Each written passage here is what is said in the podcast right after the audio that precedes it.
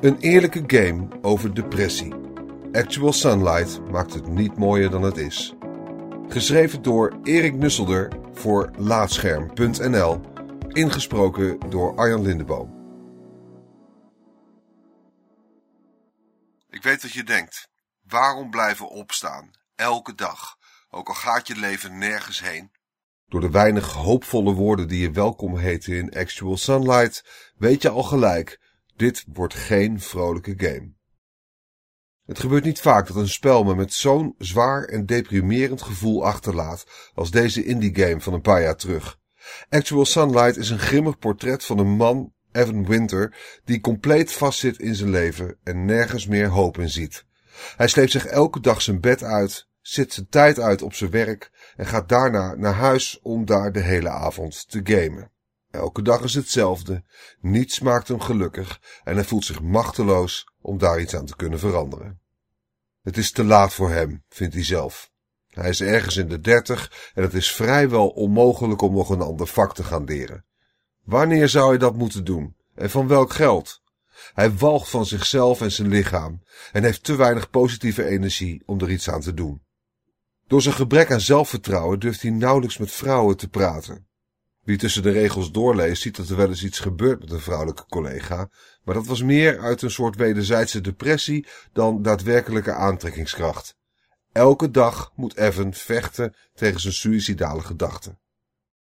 Het is aangrijpende materie, zeker voor iemand die zelf met depressieve buien en een slecht zelfbeeld heeft geworsteld. Ik voelde Evans pijn. Ik wist precies wat hij meemaakte.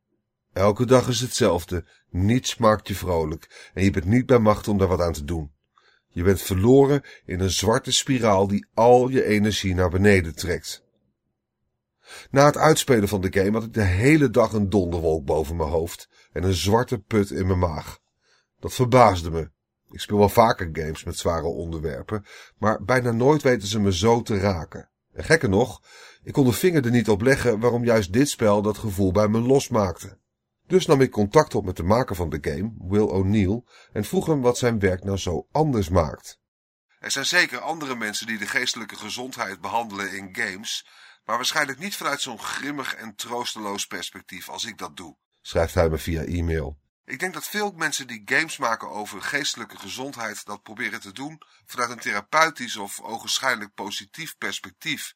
Ze willen dat hun games mensen aanmoedigen om begeleiding, medicatie of een andere vorm van hulp te zoeken voor hun geestelijke problemen. Dat staat in contrast met Actual Sunlight, dat ik maakte als een kunstwerk. Ik wilde een zo echt mogelijk beeld van depressie maken, zonder compromissen, vanuit mijn eigen autobiografische perspectief. Wanneer ik zijn antwoord lees, valt alles ineens op zijn plek. De reden dat Actual Sunlight zo'n indruk op me maakt, is omdat het totaal geen hoop biedt. Het is niet uit op een happy ending, of een twist waardoor Evan ineens toch plezier uit zijn leven haalt. Het is wat het is, een portret van een depressieve man die er geen hel meer in ziet.